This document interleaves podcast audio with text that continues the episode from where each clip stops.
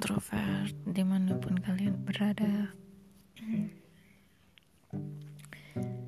Hari ini energiku lagi hilang. Tiba-tiba menghilang. Ya gitu, ya gitu deh kalau introvert tiba-tiba energinya hilang. Jadi butuh retreat butuh mundur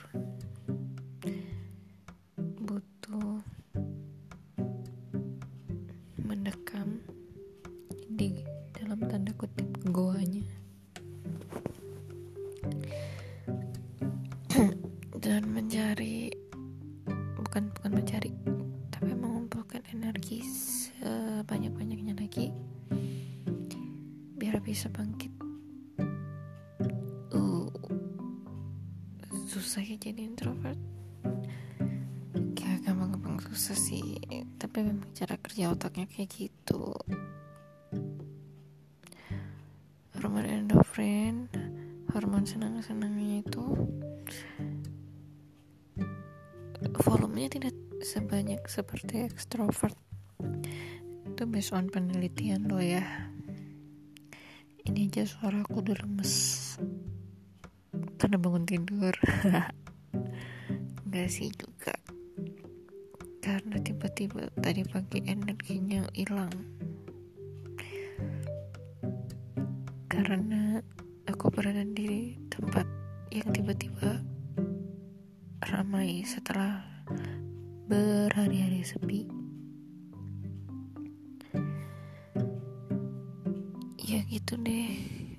Introvert itu energinya beda dengan ekstrovert introvert itu cenderung kalem. Kalau ekstrovert itu menggebu-gebu. Tapi bukan berarti introvert itu nggak bisa nggak bisa asik gitu bukan kayak gitu. Introvert bisa asik kok. Terutama ke orang-orang yang udah kenal sama introvert. Introvert itu awalnya malu-maluin. Eh salah kebalik. Introvert itu awalnya malu-malu tapi kalau udah kenal suka malu-maluin. Hmm, malu-maluin ke orang yang udah mereka kenal dan udah mereka percaya banget jadi circle-nya introvert itu memang tidak terlalu luas. Terkesan eksklusif tapi itu yang bikin introvert nyaman. Udah ya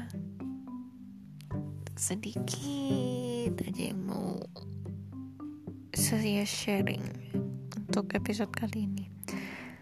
Kapan-kapan deh ngelanjutin ya sejarah MBTI udah ya introvert di mana pun kalian berada tetap semangat. Dadah